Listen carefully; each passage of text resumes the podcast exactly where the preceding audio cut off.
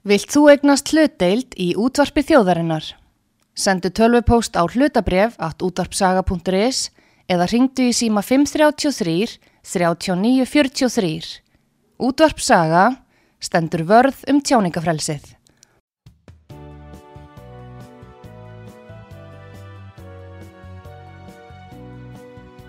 Sýtiðis útvarpið með Artrúði Kallstóttur og Pétri Gunnlaugsinni þar sem ekkert er gefið eftir.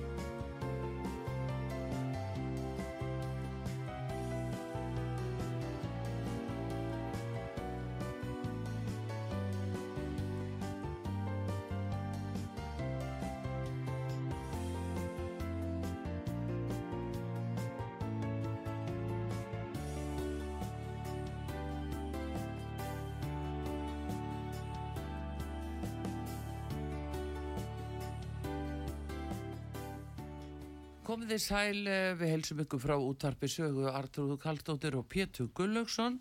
Það er komið til okkar Augmundur Jónasson, fyrrum ráþera og þingmaður. Augmundur er með eh, vef sem hann skrifar eh, talsveit mikið inn á, það er augmundur.is og nýverið vakti aðtikli grein sem að hann gerir að umræðafni það er eh, vasssalan salan á vatni og salan á fyrirtæki Jóns Ólássonar sem er í Þólasöfn og uh, við ætlum að ræða um alþjóðavæðinguna og íslenskar auðlindir eins og vatnið og jarðirnir uh, hlustendur muna örglefti því þegar auðmundur á sínum tíma stoppaði kaup núbó að kaupa uh, grímstað á fjöllum og varði mikið umræðefni en uh, þetta hefur bara haldið áfram síðan eða hvað? Uh, við ætlum að ræða þessi mál og fleiri við Ámund Jónasson. Velkomin til okkar út á sögum Takk fyrir það, takk. Heyrðu, vatnið, erum við að missa vatni frá okkur Ámundur? Já. Þessi sala Dropin hólarsteinin er sagt sko ef að, ef að sko það var ágætt samtal sem ég heyrði í morgun á bylgjunni, í bítun á bylgjunni, þar var, var mættur Tómas Tómasson, þingmaður fólks uh, flokk, flokks fólksins, já, já. og uh, Sigriður Andersen, ég var nú sammála honum en ekki henni í þessu efni, en hann sagði sko, hann var spörður um þetta, erum að missa þetta frá okkur? Og hann sagði réttilega, ef að fer fram sem horfir, mm að það er kæft einjörð, síðan er kæft önnur, svo þriðja, fjórða og þeir sem er að kaupa, það eru mennirnir sem að koma til lands og eiga tíu þúsund kall, eins og að norðaðu það, Já. og er bóðið að kaupa land á túkall, þá gera þeir það. Já. Þetta er annars vegar þeir sem er að kaupa svona til þess að geta búið á tunglinu, mm. sko verið einir einhver staðar eins og við þekkjum hérna upp af Vík, Já. í Mýrdalunum þar sem auðjöfurinn hefur hreðrað um sig til að geta verið einn og svo er það hinnir Já. sem að er að fjárfesta til þess að hagnast á og ég hef grunum að það sé að gerast þannig í ölfusinni þar sem Já. að með voru að kaupa núna eh, land og, og vars uppsprettu af Jóni Ólafsinni og þetta er, þú segir, erum við að missa þetta frá okkur eh, bara fyrr á þessu ári, ég held að það er í mars mm. að þá gauðs upp umræða af, af þessu tægi um vatnið. Og það var vegna eh, landakaupa sem höfðu farið nokkur hljótt. Var, þá var það jörð eða jörð, já, jörð í borgarfyrði Horn heitir hún. Já. þar er að mér er sagt mikil uppspretta, vass uppspretta mm. það voru kanadísk hjón sem að geftu það land þar uppaf eru endriðastæðir, það er Dani sem á landi þar og, og miklar og harðvítuar deilur við, landi, við sumabústaðeigendur um aðgangað vatni, þannig að þetta skiptir máli og þetta er smám saman að gerast og getur undið upp á sig og, og þessi tróun getur orðið örari þess vegna.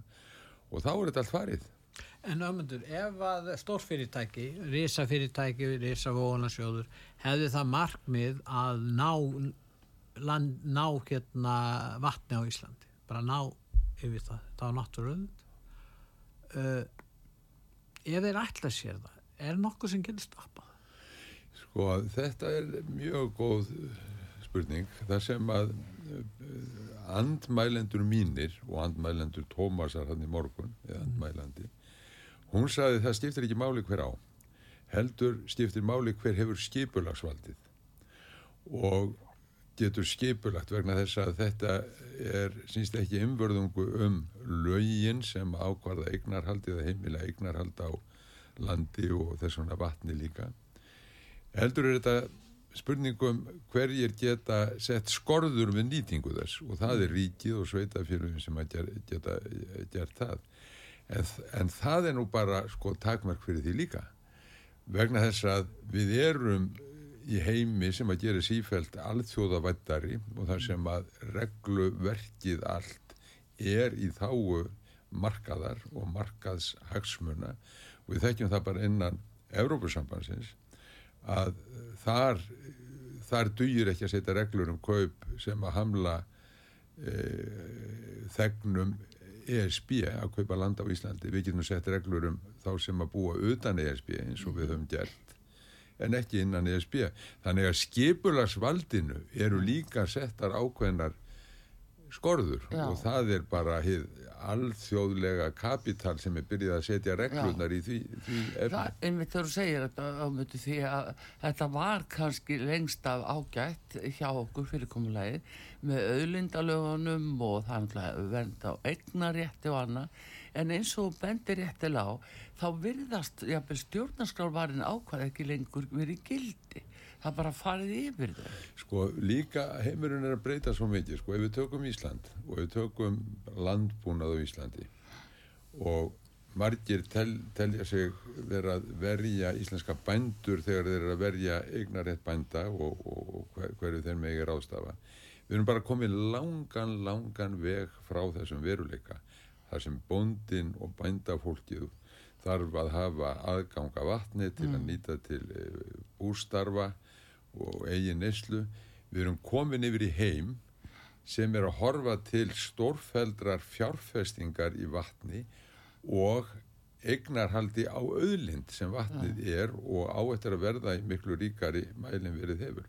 Þannig til dæmis, þegar að, sko, sem ég kalla nú verstu lagasetningu síðari ára, það eru lög um auðlindir frá 1998 Þau heita, e, þau heita e, lögum rannsóknir og nýtingu öðlinda í jörðu 1998 og þar er sagt í þessum lögum að egnarhald á landi eigi að fylgja öll verðmæti í jörðu.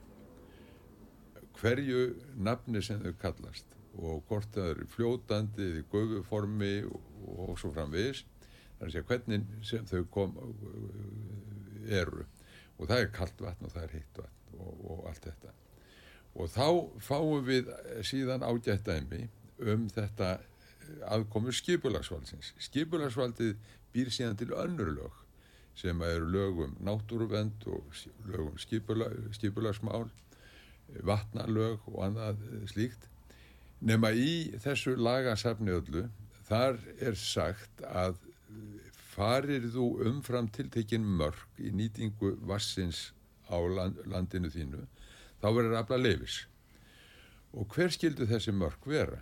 Jú, í lögunum segir að mörgin eigi að vera 70 sekundur líkar 70 lítrar á sekundu ef þú ert undir þessum mörgum að þá þarf þetta ekki að afla sérstags leifis til að nýta vatnið.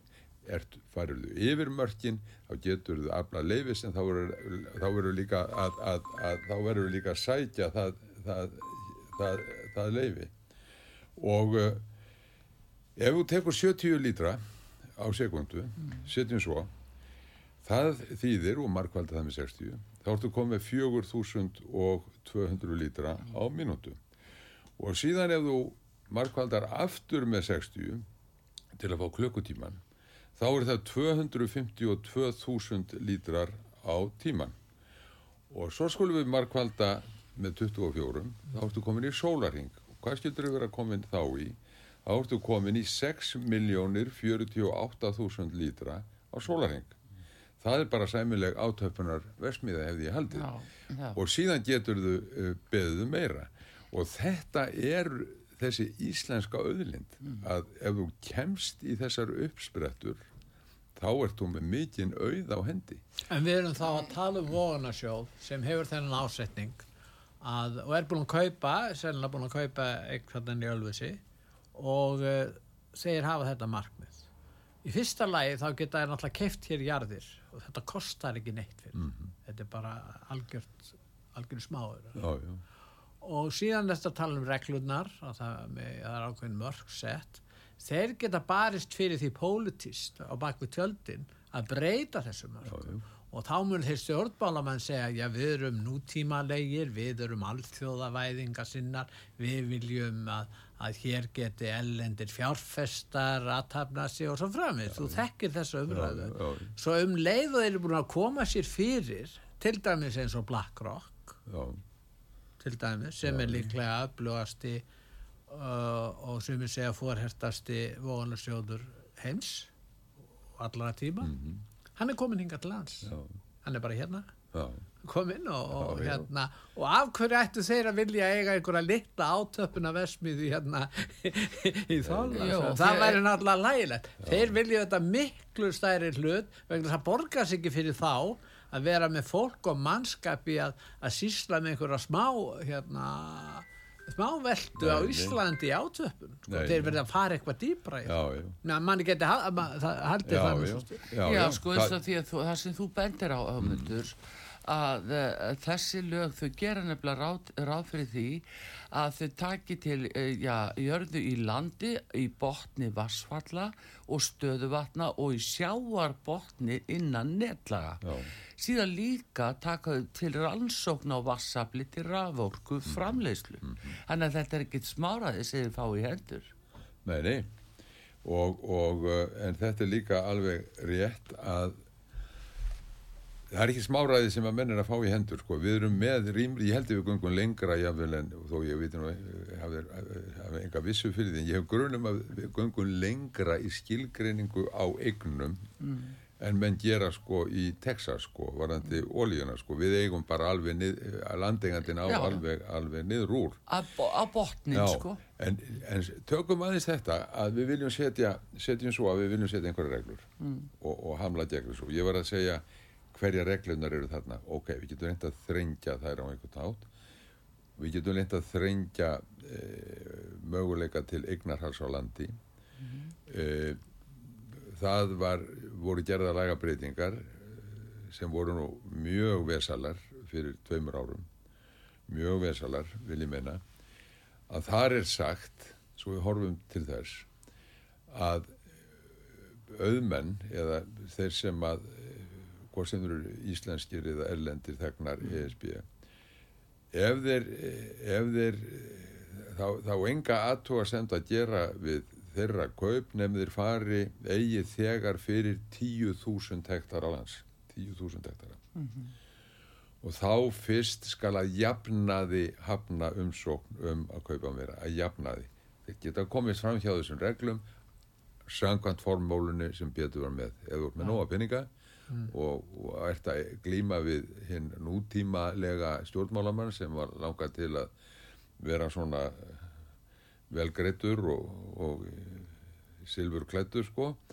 Að, að, að þá, þá er þetta að fá meira nema 10.000 hektarar. E, hvað er það mikið? Skálholtsjörð er í kringum 1000 hektarar e, góð landbúnaðjörð á Söðurlandi eða Eyjafyrði, það sem er landbúnaður blómstarar, er þetta 200-300 hektarar. Við erum að tala um sko 30 jarðir slíkar eða tíu skálhálsjörðir þá fyrst á að fara að setja hömlunar hömlur gagvar þeim sem að eru utan ES svæðisins þær eru miklu strángari þær eru strángari þar er þetta bara örfáir hektara sem að átt að geta eignast og ekki meira en 25 hektara held ég að sé. En, en ef BlackRock og þeir sem eru séðir og, og, og kunna nokkuð fyrir sér í fjárfestingum þeir gætu keift agnar smáarjarðir ef að það er að finna þessi, þessar öðlindir sem eru þá uppsprettur. Og það er þetta sem ég var að vísa til með til jarðarinnar Horns í borgarfyrði mm -hmm. það er ag agnar smátt svæði en þar er mér sagt allavega að sé mjög öflug uppspretta, vars uppspretta Já. og vatnið er það sem að kemur til með að verða bara ígildi hins svarta gulls já, sem er ólíjan þetta er það sem allur heimurinn þarf á að halda í og svo má nota gerðirnar undir vindmilugarða líka og svo ná í svo er það nú vindmilugarðinir og allt þetta þeir eru þannig að þér eru um sko veruleg verðmæti því að áður með litlum menn þannig á hér er söðfjárækt, þetta gefur ekkit af sér. Svo eru menn með nokkrar beljur og geta síðan kannski fyrir einni fjölskyldu. Já, já. og þannig var það og, og það var, engin, var ríkur á því að vera, vera bóndi nei, nei. Þa, það er ljóst. Já, en núna kegnir allt öðru máli. Nú er hægt að nýta þetta með allt öðru mæti og þetta er á lágu verði ennþá.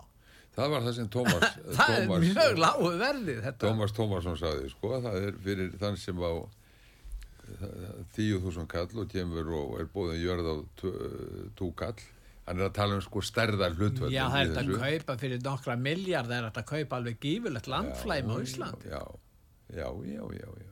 Það, er, það, er, það er bara að segja sér sjálft að það er hægt. Og það er líka annað í þessu hérna, ömundur Íslenski stjórnmálumenn margir þeir bera svo mikla virðingu fyrir þessum peningöflum það verður bara viðkennast eins og það er Já, annarkort eru byrjaði mikla virðingu fyrir þeim eða eru bara, bara að fá í nén sko, eða eru hrættir við þá og svo framvið og þegar að ástandi er þannig þá kannski að þetta breyta þessu mörgum það er að þetta breyta því og, og það fer ekkert í fjölmiðla og engin veita því fyrir að árum saman er þetta búið að vera aðrar kringustæðir en voru uppalega vegna þess að og ég vil hafa bara alveg skýra reglur innmitt vegna þessar sem að þú ert að benda á þetta er allt til að sveia og toga og, og tegja ef þú ert með nóga peninga. Þess vegna þurfa að vera skýra reglur. Og reglunar eiga mínum að það vera þessar. Ef þú ert ekki með ríkisfang á Íslandi býrð hér eða með ríkisfang á Íslandi þá áttu hefur ekki heimil til að eiga hér land. Bara punktum baksta og þetta telja sumir ekki samræmast reglum EES En Danir gera þetta Já, við gátum gert þetta líka Já. og getum gert þetta. Mm. Það voru tveir profesorar sem samfærið mig um að svo væri, annars verið Árósum eh, og hins vegar hér við Háskóla Reykjavík, nei, Háskóla Íslands, um að þetta væri hægt. Og, og eftir maður minni ennbætti, hún eh, afnam reglugjör sem ég hefði sett og setti frumvarf sem ég átti, hafði sett fram undir stól og síðan hefur þetta ekki verið hreift síðan. En þar var þetta bann algjört, það var Já. bara algjört og, og, og, og þetta, er, þetta, er alveg, þetta er alveg hægt að gera þetta mm. til ég vera og ef það er ekki hægt þá þarf að sína fram á það bara fyrir domstólum. En hvað með lögpersons eins, eins og BlackRock og aðeins líkir? Já, ég vil bara ekki að þessi raðilar þeir geti eignast hér land og alls ekki öðlindir í landi og þá spyrja menn margir Já, en býtur skiptir einhverju máli hvort þetta eru innlendir menn eða erlendir sem að eignast þetta. Eh, ég held að það sé bara tvíþætt svar við því. Það skiptir máli að halda þessu, það er grundvöldarættir, að halda þessum eignum hjá samfélaginu, mm. öðlindunum hjá samfélaginu. Það, það er nummer 1, 2 og 3. Síðan segi ég, varandi landið, það er mönur á því að vera í kallfæri við eigandan, að sínilegur og honum sé sínileg eiksinn að munar því annars vegar og hinnu að eigandin sko hafi bara bólfestu í kaupallinni í Wall Street eða, eða, eða London mm. og eignin sé gangi þar kaupum og sölum Mhm. það er bara allt annars konar eign og ég hef stundum sagt að þetta er svona munurinn á því að Salka Valka var í auksambandi við Bógesinn í, í, í blásinu hjá, hjá Mhm. Halldóri Lagsnes það er svolítið munur á þessu tvennu, held ég En er ekki vandamálið ömmundur líka að við erum ekki með ákvæði stjórnarskrá Mhm. um náttúruauðlindur okkar? Og það er bara ekkert samkomulag um það hvernig það er að vera. Og það er bara eitthvað sem að stjórnbálamenninni vanrægt það var komið með drög hérna frá stjórnlega ráðun á sínum tíma og það var, fór, fór uh, í þjóðaratkvæðagreislu ekki bindandi þjóðaratkvæðagreislu eins og þú veist en þar verið yfir 80% sem vildi samþykja þessa. Þetta var ekki bara um sjávarútveg þetta voru fleiri atriði. Og hérna og síðan var ekkert gert meir í þeim máli en svo ákvað fórsitisráð fyrir hann núverandi að, að leggja fram sitt frumvarp um náttúruöldur mér fannst náttúrulega svolítið merki ja, förðulegt kannski að, að einn þingmaður skulle gera það þó hún væri fórsitisráð þeirra þannig að þú spurning hlýtur að vakna er þetta ekki ef- verkefni fyrir stjórn, dæmigert verkefni fyrir stjórnmálamenn sem er í stjórnmálum af köllun og vilja vita hvað er Jó, ég held gert, að, sko. ég er alveg sammála þessu sko, ég held að það sé tvent sem að uh, hefur verið vanrægt, var vanrægt og hefur verið vanrægt sem að verður að taka til ekki bara til skoðunar heldur að koma í framkvæmt það er þetta sem hún nefnir með stjórnarskrána og auðlindirnar og skýrt stjórnarskrár ákvæði um eignarhald þjóðurinnar á auðlindum. Algjörlega sammála þessu og síðan hittum beint uh, þarna, líðræði Já, og, en sko það sem ég gaggrindi þessi, þessa tillögu stjórnlagaráðs eins og við myndum rættum áður það var ekki það að hveða skýrta á um þetta, ég var alveg sammála því og alveg sammála þér þar það sem að mér fannst vafasandi tillögunni það var það sem sagt var að nýting auðlindana að hún skildi hérna ef hún, ef hún færi sem sagt, til ráðstöfunar þá ættu það að vera jafnræðis grunni fyrir hámarks hámarksarð hámarksarð, fá hæsta verð hæsta verð Já, og þá segi ég, heyrðu þetta er nú bara sko verið að stjórnarskrárbinda kapitalisma hérna, en þess að ef ég er í sveitarstjórn og ég er, segjum að ég sé sveitarstjórnin og ég vil taka eh, sjávaraflan sem að e, ég fengi útluta segjum að hluti e, kvótans væri eða veiði heimilda væri hjá sveitarfélagunum og ég vildi mismuna ég vildi mismuna í þáun þess e, minnar byggðar og, og, og, og nær sjónamiða að þá væri það bannað samkvæmt stjórnarskrá, þá væri mér bannað samkvæmt stjórnarskrá að gera það en það var ekki hámars arður það geti verið félagslega sjónamið landfræðilegs félagslega sjónamið sem að e, þarna kemur við sögu og þetta fannst mér alltaf mjög stort En, og en finnst hugmyndur, er ekki stort svona að- öðruvísi Já. að við erum að tala um kapitalisma innan Íslands og svo þennan alþjóðlega kapitalisma. Mm. Ég meina við skulum taka sinn dæmi með orkumálin hérna hjá okkur. Uh, orkumálin hér hefur þetta gengið bara mjög vel. Þetta er í eigu að mestu leiti í eigu opinbera aðila. Þarna er verið að framleiða grænu orku á ódýru verði og þetta hefur bara tekist mjög vel. Já, og e- með því að tryggja það að þjóðin eigi þetta Já, já. þá eru við núna eins og staðin er núna Já. e, og ég hef nú verið að kíkja á þetta og þú myndist á um þetta auðlendalögin sem voru sett fyrir aldamótin já, já, eins og staðan er núna já, og þá getum við bara hort upp á það á næstu árum að þetta við missum þetta allt út úr höndunum. Já. orkuna og það er jafnvel hugsanlegt að það verður settur kvót, að verður kvótasettur hérna, ferðarþjónust að verður kvótasett. Já, já, að hún verður er- selda hluta til út þeir eru að sækja hingað. Já, já.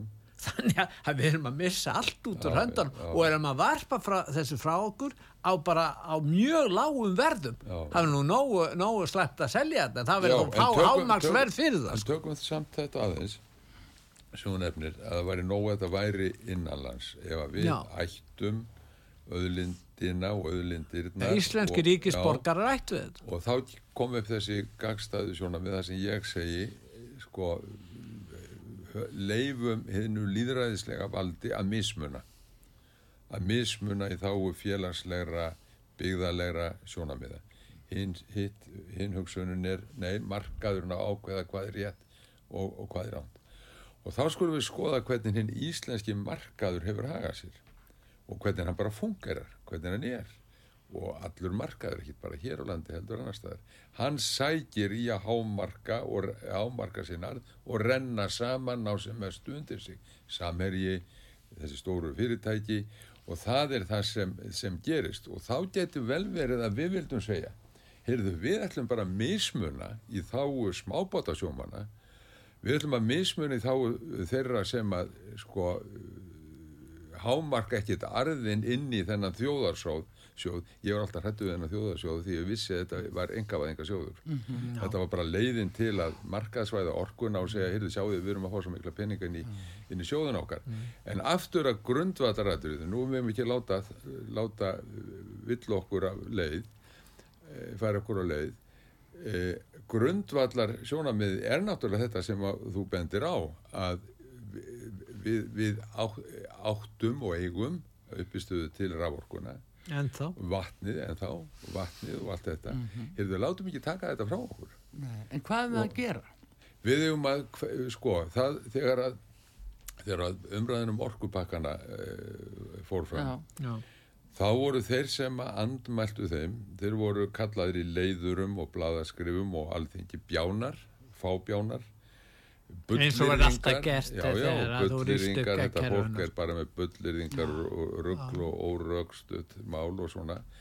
Ég satt í hópum e, orkan okkar var reglífin sem við vorum starfandi undir. Og er enn. og er enn, já og þar voru allskynns fræðingar og áhuga mell og mestu sérfræðingar og sviði raforkumála og, og og uh, líffræðingar og, og svo framvegis og sem þekktu mm. þessi mál alveg í þaula og sátu og tóku þetta hlutverk sitt mjög eh, hérna, alvarlega, voru síðan kallaði bara bjánar og þar með var umræðan hérna afgreð en nú er það að nú er það að dragast upp og renna upp fyrir mönnum að það sem verið var að vara við, það er bara gerast. Það er bara að gerast. Fórstjóri landsvirkjuna segir hyrðu, það þarf að tryggja það að almenningur hafi aðganga að raforku heimilin. Býtu, þarf að gera heimilin? Ef við eigum þetta þá bara höfum við forgángin þar. Já. þetta mun gerast með vatni líka. Já. þetta mun, ef að BlackRock er komið vatnið á Íslandi Heyrðu, þá þarf að fara að setja eitthvað svona í lög. Svo er kannski eitt þráður sem við kannski höfum ekki talað um það er aðeld okkar Európska efnarsvæðinu þú talaður um orkuna. Uh, hér höfum við fengið Jón Baldvin Hannibalsson sem var þetta helsti talsmaður aðgang í Európsambandi hann segir að það hefði aldrei staðið til að orkumálinn er hluta á þessum pakka. Nei, nei. nei, en það gerist samt. Já, já. og þá höfum við einn ein tristi hópin í viðbót það er að segja Evróska efnarsvæðið þannig að þeir muni trista og beita sínum áhrifum í komandi vass deilum já, um vatn alveg eins og þeir gerði í sambandi við orkuna. Þannig að þetta er sótt að íslenska fullveldunu úr öllum áttum mm. ekki innan stjórnmálana hér á Íslandi frá Evrópusambandinu frá alþjóðasamfélaginu og alþjóðavæðingunni. Þannig að, að, að varnirnar eru náttúrulega e, því miður allt og veikar gagvart þessum öflum já, já. eins og staðin er núna. Jú, jú, það er alveg rétt og þegar að menn gengu inn í eða undir euróska regluverk eh, hér í byrjun tíund áratögarins EES að þá trúðu því margir að þetta væri allt annað en það síðar varð. Og staðrindi náttúrulega svo að euróska efnaðisvæð hefur tekið miklum breytingum. Það er orðið að mörguleiti að allt öðru. Við vorum þá nær því sem við áttum í farteskinn úr fortíðinu sem var efta sem var viðskipta bandalag eh, margra Evrópuríkja. Við erum að færa okkur yfir alltaf nær og nær eh, einu ríki mm -hmm. með saminni lög, með saminlegt eh, regluverk og þá þarf að ræða þetta regluverk og þessi lög og í mínum huga og það sem að mínar aðtuganir hafa leitt í ljós og mín reynsla, ég hef komið nála þessum mm. álun okkur mikið á undanförnum árum er að Evrópussambandin eins og hefur þróast og þar með ES er fyrst og fremst markaðsbandalag og markaðsbandalag sem að mismunar í þáu stórfyrirtækja Já. Já, það er það sem er að gerast það er aðtilsvert að segja þetta regna sem ég hef segja, ég hef saknaðist mjög að uh, þetta hafi ekki verið kallað réttu nafni á Íslandi sem markas bandala Já, já. það er markmiðið. Þess vegna er núna búið að breyta ymsum lögum uh, innan EES sem við okkur er gert að fara eftir eins og þessari kröfu um einsleitni það er algjör einsleitni í mm. lagasetningu sem allir eiga fara eftir við höfum öll að fara eftir sömu reglum þannig að öll sérstaða okkar sem við höfum haldið að við hefðum og, og væri tryggt að við myndum hafa til frambúðar það er alltaf á reiki og það kemur að jafnræðisreglunum sem hann var að tala um, Já, að reyna já. að haldi hana Já. en með að við erum þarna þá getum við ekki haldið í þetta Nei. og auðlinda ákvæðið okkar eða auðlinda lögin frá hvaða 99 að ákvæðin í lögunum sem eiga eru að setja mörg þau haldi ekki gagvart Evrópu gagvart Evrópu domstólnum það er vandamálið. Þannig við það sótt að okkur eins og segjur öllum áttum. Og þá er kannski þú varst að tala um ákvæðið þarna hjá, hjá stjórnlegaráðinu það er bara hreinlega verið að segja að við erum í hverjum þá stöðu finnst mér að við erum bara að reyna að bjarga því sem hægt er að bjarga. Það er staðan okkar í dag Já, en samt sem áður finnst mér að þegar við setjum í stjórnarskrá einhver ákvæði Já. að þá eigi það að vera alveg kýrskýrt að það sé ekki hægt að misnota þau ákvæði gegn þeim sem vilja fara að líðræðislegum vilja og, og, og beigja okkur undir undir eh, markaðin Þa, það, það finnst mér vera algjört eh, minnst að vera algjört grundvallaratið og við um að, við um að halda Já, stíft í en það. Auðvitað, það sjáum það náttúrulega best í orkupakka þrjú og öll svo umræða sem þá fór fram. Já. að uh, þarna var sagt að þetta væri hefði ekkit með það að gera við værim ekkit bundin þannig að get, menn getur ekki ráskast með markaðin hér á Íslandi. En hvað er að gerast? Síðast í morgun eru fréttir af því að uh, það veri að kaupa loftlaskvóta og við áttum að hafa sparað okkur stórfið að við vorum að kaupa loftlaskvóta frá Slóvekíu sko, uh, þetta er alltaf gerast núna og, og sam er að segja með orkumálinu að öðru leiti, það er að undirbúa og jáfnvel búið að undirbúa þennan uppbóðsmarkað hjá uh, landsneti. Já, það er- og hvað þýðir það? Þegar vindmjölnur eru komnar, þá ríkur allt verðið upp af því þá er það markast lögmáli hver býður best. Já, það það er þetta sem er svo alvarlegt og þetta færi lenga umræðu á Íslandi. Og við erum komin inn í eh, með fyrsta fótinn skrefið inn í orkukerfi Evrópu sem þýðir kannski fimmföldun á verði fyrir nefnilega neytenda. Og það mun algjör gör breyta lífsgæðum og lífsskilurðum hins venjulega manns í talningum eldri borgara sem eru að reyna bara að lifa bara sparsum lífi sko. Það er ágætur hérna, höfundur sem að skrifa stundum á heimasíðuna mínu sem heitir Kári. Já, og hann sagði fyrir held í fimm árum eða sex árum eða sjú árum, ég maður ekki hvort það var að það sá dagumunni renna upp að að menn fara að selja andrúnslóftið Já. og markaðsvæði það. nú er þetta ekki lengur neitt brandari sko, og þetta var bara hans framtíða sín reyndist alveg hár rétt já, já, og þá er byrjað að braska náttúrulega með hana einhvern veginn. Já. Og, og, og, og, og, og, og, og niðurstaðan úr svo eða það sem að það mun leiða til er að við komum til með að breyta ásýnd Íslands líka. Því að nú ferðu að rækta eh, land sem þú hugsanlega ætlaðir ekki að rækta með skó- skólendi og hverju plantarðu, ekki það sem þið finnst endilega fallegast heldur það sem er fljótvaksnast og býr verður fyrst og- sem fyrst af þessari hérna, fjárabla maskínu sem þú vilt, vilt að verði. Nei, nei, við erum, að, við erum að það er alveg rétt sem að þið segið og bendið á að, að það sem maður einhver tíman taldi að væri mögulegt að gera innan EES og Jón Baldvin reyndar hefur verið Já. að segja sé mögulegt, það er að segja að setja fyrirvara og, og, og, að þetta sé samningur en ekki einhliða bara tilskipun, samningur sem hættir að þróa að hann hafi samið um já, já. það á sínu tíma en við heldum en, en við heldum mörg að þetta væri hægt alveg bara fram á, fram, fram á síðustu daga ríkistjóðana sem ég satt í Já. Já. 2009-2013 að þar ætluðum við að setja fyrirvara og Jón Bjarnason gerði það fyrirvara eh, gagvart innflutningjar hái kjöti.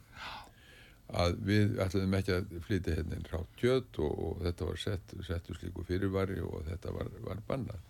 En viti menn þetta fer síðan fyrir uh, aðstaráðið í Brussel og, og, og domstóla og við erum dæmt Íslenska ríkið er dæmt í sekt Já, já. að þetta var ekki hægt. Já. Og við sem að vorum enn á þessum buksónum og ég er enn á þessum buksónum við fórum þess vegna að horfa til annara leiða. Og leiðin sem að við töldum okkur sjá var svo að í ES samningnum þar segir að það sé hægt að horfa til þáttan sem að lúta heilsufari heilsufari og öryggistáttum til að fá undan þá frá, vissum, frá þessum markaðsreglum sem að við áttum og eigum en að gera varðandi innflutning á, á ráu kjöti til að venda okkar hérna, bústofna og, og, og heilsufar sem að ég held nú allir skildu betur eftir COVID sko að, að væri nú kannski ástæði til að huga að. En þetta var ekki vilji til að gera þetta. En ég nefni þetta e, sem eiginlega svar við þessum vangaveltum ykkar um að eins og ES er að þróast þá er þetta ekki hægt. Nei, þá er þetta bara allt þá er þetta bara játn í játn, allt saman. Já, verðum ekki þá að segja okkur frá þessu evróska efnaðsvæði mér skoðsti komið fram þannig stjórnmálaafl sem er reyðbúið að setja það á borðið vegna þess að þá getur þjóðin kosið um það viljum við halda áfram inn í alþjóðavæðinguna og sem að eh, evróska efnaðsvæði og þeir sem þar stjórna knýja áum eða hvort við eigum að viðhalda hér ákveðinni einstaklingsbundinni þjóðerni sikju hér á Ísland. Sko, ef ég hérna uh, sæti á alþingi og ætti að taka afstöðu til uh, í slíkri atkvæðagreyslu um það hvort við ættum að vera áfram innan ES eða, eða segja okkur frá ES ég myndi alveg, hig, ég ætti ekki nokkrum einastu vandrað með að segja nei ég vil ekki sjá að vera þarna lengur innan borðs og til þetta eh, fyrst og fremst skadilegt menn jafnla á því margir, hverjir að þetta hafi fært okkur svo mikla eh, velsæld gríðarlega Þeir velsæld halda því alls konar fram að réttindi. Já. uppgangur í kerfin okkar stafi á þess. Já, nei, nei, Þetta er nei, alveg það, fráleitt. það sem er, við höfum alltaf viljað öll þjóðin held ég, það er alls konar stöðlun og samhæfing Já. bankaviðskiptum og, og, og ymsu því um líku en við viljum ekkit láta sko, sko gerast eh, láta, láta setja okkur undir þetta regluverk markaðurins að öllu leiti, það vil ég e, alls ekki. Og menn eru líka að vannmeta svolítið kapitalismann, ég er nú ekki mjög aðdándi kapitalismann, en þeir eru að vannmeta eh, vannmeta eh, kraftin í kapitalismannum hann ætlar að selja vörur á Íslandi. Og menn sem framleiða vörur á Íslandi ætla að selja vörur í útlöndum, það er bara svoleiðis. Og þeir munu finna leiði til að gera það. Aftur erum við komin að því að erum, maður- þetta er já, já, sem við erum inn í. en, en, en Já. ég verð þó að við gengjum út úr því þá verður ekki, þá stöðvast ekki viðskipti. Nei, nei. En e, bara því við erum að fá auðlýsingar hér núna hvað og hverju en auðvitað bara til að skjóta þig að þú lýsir í ríkistjórn sem þú varst í 2009 til 2013 en það var ríkistjórnin þar á undan raunstjórnin sem að samfélking og, sjálfstæðarflokkur sem að letu það renni í gegn án aðtúasemda að Lissabon sáttmáli var samþyktur á þessum tíma sem breytti mjög reglum og leikreglum EES samningsins. Það tók gildi 1. desember 2009 Sem hafði áhrif á og er búið að hafa gríðaleg áhrif síðan voru að byrja í, í, í reikistjóttinni þinni eða þinni þið voru í en eh, ekki nema að mjög litlu leiti en við erum að finna áhrifin núna í dag. Þess vegna upplifum við okkur svona varnalaus en við skulum bara ræða þetta frekar hér og eftir á útvarpi sögu. Artrúð Kallstóttir og Pétur Gullursson ég með ykkur og Ögmundur Jónasson fyrir um ráþera og meðal annars innvega ráþera við tölum við hann áfram hér og eftir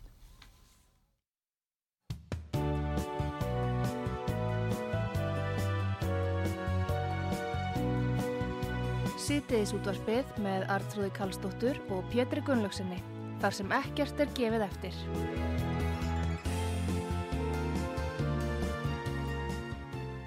Komið í sæl aftur fyrir að hlusta út að sögu gestur okkar Haugmundi Jónasson fyrir um ráð þeirra og við erum að ræða um auðlindir, náttúruauðlindir hér á Íslandi og við erum komin yfir í alþjóðavæðinguna Haugmundur. hvernig sýnist þér svona af þeim fréttum sem við erum að fá af þessu, þessu miklu breytingu sem er að eiga sér staði í þjóflæginu af því að við erum að taka við reglum ellendis frá fengnum Sko þetta er náttúrulega þróun sem að á sér langan, langan mm. aðdraganda mm. en er að vinda sífælt hraðar upp á sig og uh, ég, þegar ég var hjá BSB ég verði formaði BSB 1988 mm. þá förum við að fylgjast mjög vel með þessari þróun á allan eh, tíunda áratugin við sendum fólk til Nýjasjálfans sem var þá orðin svona tilraunastofa í frjálsíkju mm -hmm. þarna árunum í kringum 1990 eh, og við fyrum að horfa til það sem er að gerast í verkstæðum stóru verkstæðum hins kapitalíska heims, OECD og náttúrulega innan Evrópusambansins e, það verður ákveðin breyting um miðjan tíund áratugin þegar að World Trade Organization alþjóða viðskiptastofnunum kemur mm. til sögunar og hún setur þessi mál á dagskrá öll og Evrópussambandið sem áður hafði lagt áherslu á samskipti ríkja var svona í gamla eftafarinu hún fyrir að horfa inn á við og segja, heyrðu, það þurfa að vera sambarilega reglur á öllum sviðum í samfélaginu öllu. Mm. allir þurfa að setja, það er jafnbræðisreglan sko, allir þurfa að setja við sama borð markaðsfyrirtæki og allir við sama borð. Farað að horfa inn á við. Og þá er þessi krafa komin svona á Evrópuvísu. Og þegar að almenningu fyrir að rýsa upp eins og gerðist reglulega, gerðist upp úr aldamótonum, gagvart eh, svo kvöldlega dóa samninga uh, viðræðum sem spruttu upp úr uh, alþjóða viðskiptastofnunni fátækja heimurum fyrir að rýsa upp verkaliseyfing við sverum heimum fyrir að rýsa upp þá fara þeir í leinilegar viðræður. Og það svona ágerist upp úr 2010, 2013, 14 kemur TISA, TTIP, SETA allir þessi samningar á milli eh, stóru svæðana mm.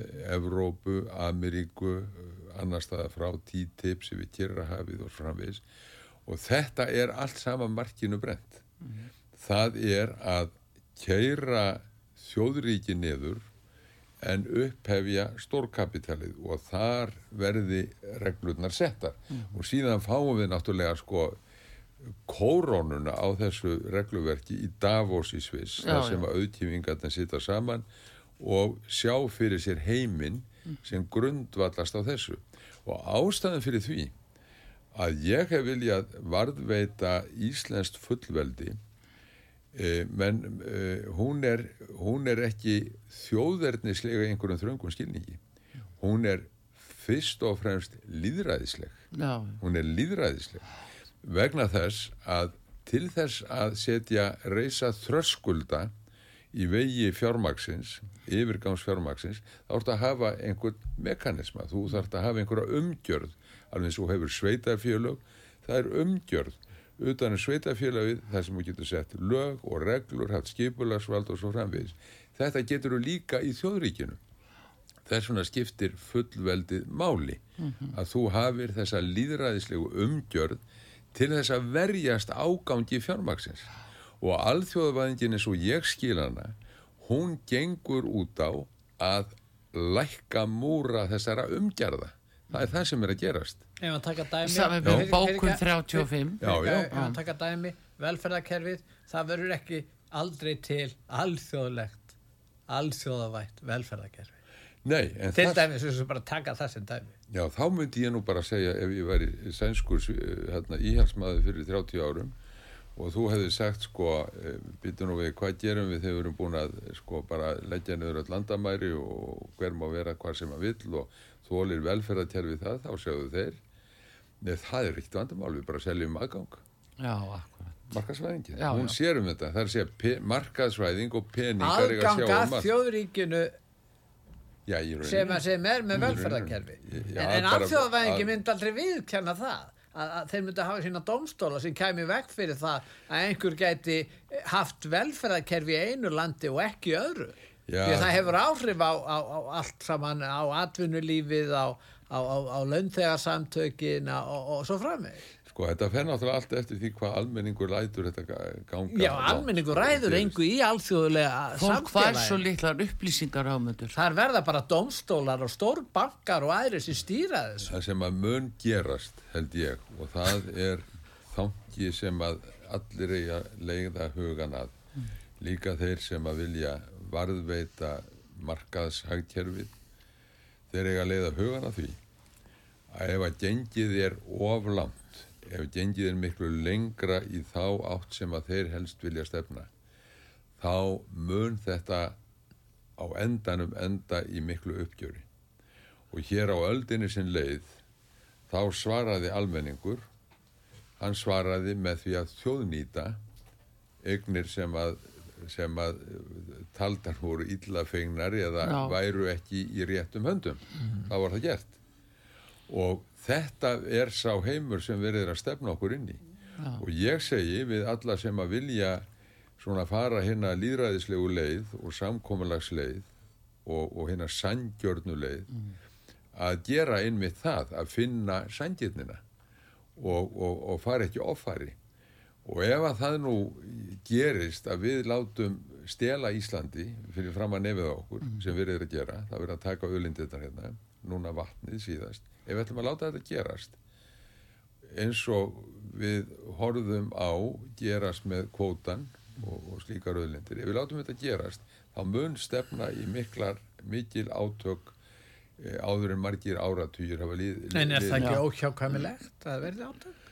Já, ef að menn sjá að sér og menn hugsa sem svo, heyrðu þetta gengur ekki lengur, við ætlum að, að bara fara aðra leiðir, við ætlum að tryggja almanegna á öðlendum og við ætlum að tryggja meiri jöfnuð í samfélaginu, við ætlum að tryggja lagalegt vald og líðræðið innan, innan okkar marka. En við getum líka litið þannig á það að, að alþjóða samfélagi myndi ekkert viðkenna það.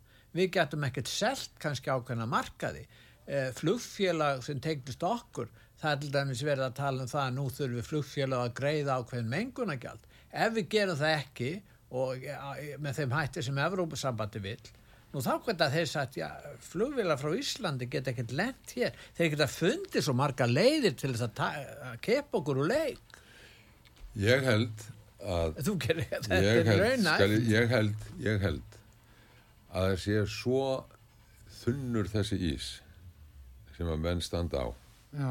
svo þunnur vegna þess að þjóðinn og samfélagið og almenningur er á allt öðru máli en stjórnmálinn, en stofnarnarlegu stjórnmálinn. Það er bara svo leiðis. Það er það gagvart eh, hilbriðiskerfinu, það er það gagvart kótakkerfinu og, og, og, og öðlindum þjóðana. Almenningur, hann er með þetta alveg á hreinu, hvernig hann vil hafa þetta. Ég, ég held það. Mm. En stjórnmálinn á alþingi og í sveitarstjórnum eru bara að verða ónæm fyrir þjóðin og ef að það gerist ef að það gerist of lengi of mikið þá stefnir í átök. En ef menn átta sig á því að þetta er ekki svona góð og heilavanleg vegferð þá er hægt að sveigja af leið og það er það sem við höfum að gera. En er það ekki ymmit, eh, það er upplýsingaskorturinn sem allir fjöldin fær. Fólk er ekki upplýst næjanlega eh, eins og það að það er leint og ljóst verið að stefna einni heimstjórn öfundur. Akkurat þessir, eh, hérna, þessir fjármálaöfl og sem hittast í Davos, þeir eru að reyna að koma sér upp einni heimstjórn og við sjáum líka hvernig við erum að fletja margt út á reyna nál heilu sko fullveldis ákvaðanum útur e, frá okkur Íslendingum.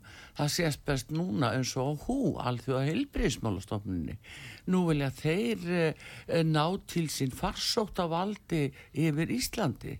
Þeir ætla að stýra í 194 löndum. Við erum komið fórsættisáþra sem er allt í hennu orðin sendi herra þar og enginn fær skýring á þessu hvað verið að gera en á sama tíma júvissulega er verið að reyna að koma í gegnum allþingi bókun 35 sem á að tryggja þar að stjórnvalds ákvarðanir renni í gegn á þessa aðkoma alþingis komið til. Þannig að, að það því nú að, að ráð þeirra skrifi undir eitthvað, þá erum við bundin eins og við heyrim oft í alþjóðarsamfélaginu. Sko ég held að þegar að fólk hlustar á það sem þú varst að segja núna um eina alheimstjórn mm -hmm. Davos og það sem er að gerast innan alþjóða hilbiðistofnunarina mm. þá munir margir segja er þetta er svona samsæriskenning þetta mm. eru hugarórar þetta er bara rögl út í loftið en ég segi það er það ekki og þið þurfum ekki annað en að lesa það sem þetta fólk er sjálft að skrifa um markmið sín mm -hmm. í Davos þeir sem að það stýra ferðinni. Fyrir nokkrum árum þá hefur menn sagt þetta væri rögl Nún er alminningur farin að sjá gegnum þetta. Já, ég, ég það er bara hvert aðtíkja og fætir öðru já, það er bara já, sínir okkar að svarta og hvítu. Sama ber það að, að með fulli vinningu en fórsættisráður okkar allt innu komið með þessa háu stöðu innan hú sem er meira að minni eigu livja reysa auðmundur þeir eru að líka sína fulltrú í Davos. Þannig að eh, sko hver er að reyna að hafa þessi áhrif á okkur Blackrock á í Pfizer ekki klumði Já, já. hérna, það er, það er, Nei, þetta er mjög alvarlegt já, mál já, af því að fólk fær svo rángar upplýsingar um þetta. En, en, en sem komið eru náttúrulega ríki heims eh, sko, afgerandi í fjármögnun uh, alþjóða helbriðistofnunar en það er alveg rétt að livjafyrirtæki og livjaðinnaðurinn og, og, og efnamenn er að ná þar mjög Þeir eru bara að ná 85% 85% eignarhaldi auðvitað Þetta þyrti að skoða miklu, miklu betur. Nei, bara, þetta þyrti að skoða. Nei, ég menna að benda á það að BlackRock á í, í Pfizer og, og vangar þessi fyrirtæki eiga í þessu og það er náttúrulega hver af stað ákveðin stefna í stefnu fyrirtækisins sem mótast af hugssjónum við hættum að kalla hugssjónir vonarsjóðsins sem á þetta það er sem heiminum er stýrt á þessum grundverð mm -hmm. það er ekki bara venjulegur gamaldags kapitalismi það sem einhver er með versmiði og menn í vinnu þetta er allt annað og miklu hættulega Þetta er, þetta er mikil ágjöf fyrir fullveldi okkar nýslendinga. Það er full ástæða til að hafa áhyggjur af því að eins og við tölum um það vatni það eru jarðinnar að hvert er þetta stefna? Já, já. Þetta er allavega ekki að stefni í líðræðisátt og, og það er hlutur sem á að vera okkur öllum áhyggjöfni en ég góða í þessu og ég jákvæði í þessu og það sem gefur manni von er að það sem við erum að segja hvað þetta mm. snertir er meiri hluta sjónamið í þjóðfélaginu mm -hmm. þó að menn kjósi síðan á allt annað veg og nú vil ég fara nefnilega fyrir síð, næstu kostningar mm -hmm þá vil ég að allir stjórnmálamenn allir stjórnmálamenn gefi upp afstöðu sína til eignarhals á öllundum hvar það ég að líka og hvar menn vil ég reysa skorður og, og, og síðan eigi síðan eigi þannig að kjósendun gefis kostur á að velja þá til þingsetu og til mm. áhrifa sem að eru á þeirra línu sem þeir telja gangi er enda almanna hagsmuna en ekki, ekki hagsmuna auðvaldsins. En þú hefur líst í, í raun og veru hvernig fulltrúa líðræðið er að fjallast fólk í landinu. Þú, þú varst að segja það já, á raun og veru. Já. Og, og hva, hver er leiðin út úr því? Er, er ekki leiðin út úr því að innlega hér beint líðræði þjóðaratkvæða greiðslur um mikilvæg mál og það er séu bindandi? Og það sé ákveðna reglur sem gildur það því að eins og ástandið er við erum búin að sjá það, við erum með átta stjórnmálaflokka og jápil nýju átta sem komast inn í þing, þing og, og hérna. Og, og það sem gerist er það, jújú, jú, nýjir fulltrúar þeir dragast og sogast inn í þetta viðþór sem er ríkjandi hjá fulltrúa líðræðis fulltrúanum Jú, ég er komin á þessa skoðun og lengi búin að vera þessari skoðun og ástæðin er svo og að, að þetta er réttur fólks. Þetta er, er líðræðislegu réttur þetta er ekki spurning um það hvort þetta er betra eða verra eða hvernig Nei, þetta, þetta fjallar ekki um það þetta er sko, réttur, já, réttur fólks. Mm. þetta er rétt, líðræðislegi rétturinn er réttur réttur fólks. Og ef að sem að menn óttast margir svona forræðisíkjum menn að það muni leiða til óhyggilegra eh, hérna, niðurstöðu í mörgum tilvitum þá segir ég sko, menn verða bara svitna fyrir líðræði og fyrir sína skoðanir. Og svo verða menn ofan á eða verða menn undir. Það er bara svoleiðis. Mm. en ef okkur tekst ekki að kveika svona eh, þróttinn og viljan í líðræðis þjóðfélagin og í líðræðin og trúni á líðræði þá er illa komið, þá töpum við töpum við öllu. En við ætlum ekki að gera Já, ef það líka er verið að, að taka alltaf einast neyð í einu og uh, þeir sem gera aðtúasendi, þeir eru bara sagðir vera samsæringar eða eitthvað þess aftar af því að fólk afneita staðreindum það afneitar því að það er verið að færa vald úr landi og ákvörna valdi úr landi meira en góðu hófi gegnir. Þessu þurfum að breyta.